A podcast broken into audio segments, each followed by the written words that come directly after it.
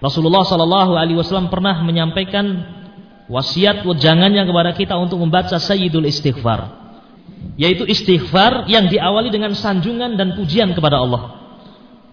Allahumma anta rabbi, la ilaha illa anta khalaqtani, wa ana abduka wa ana ala ahdika wa wa'dika mastata'tu.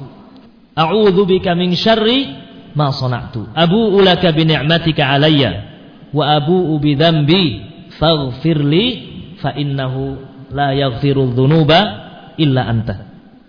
Demikian dalam sebagian riwayat. Diawali dengan pujian dan sanjungan kepada Allah. Allahumma anta rabbi ya Allah, engkau adalah Rabb saya. Engkau adalah yang menciptakan saya, engkau yang menghidupkan saya, engkau yang mematikan saya, yang memberikan rizki, yang mengatur hidup saya, mengatur alam semesta ini. Rabbul alamin hanya Allah.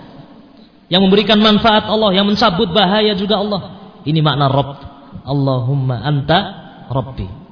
Karena Allah adalah Rabb, maka sudah sepantasnya Allah saja yang berhak diibadahi.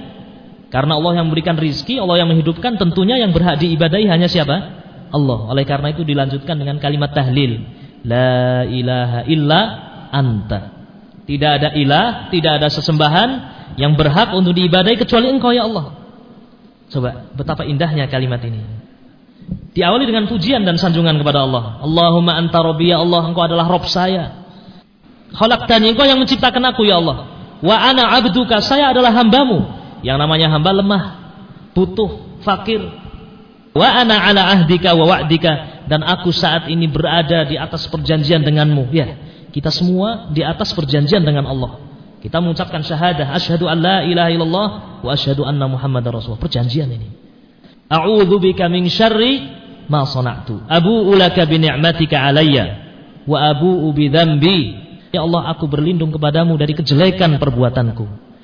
Aku mengakui nikmat-nikmatmu yang engkau berikan kepadaku yang sangat banyak. Dan juga aku mengakui betapa banyak dosaku. Faghfirli oleh karena itu ampunilah aku ya Allah. Setelah memuji, menyanjung, ditutup dengan permohonan apa? Ampunan. Faghfirli fa innahu la yaghfiru dzunuba illa anta. Sesungguhnya tidak ada yang bisa memberikan ampunan kecuali siapa? Engkau ya Allah. Ma'asyiral muslimin rahimani rahimakumullah. Marilah kita amalkan doa ini. Kata Nabi Shallallahu alaihi wasallam barang siapa yang membaca Sayyidul Istighfar di waktu pagi hari, kemudian dia mati di hari itu, maka dia mati di atas fitrah, yakni husnul khatimah.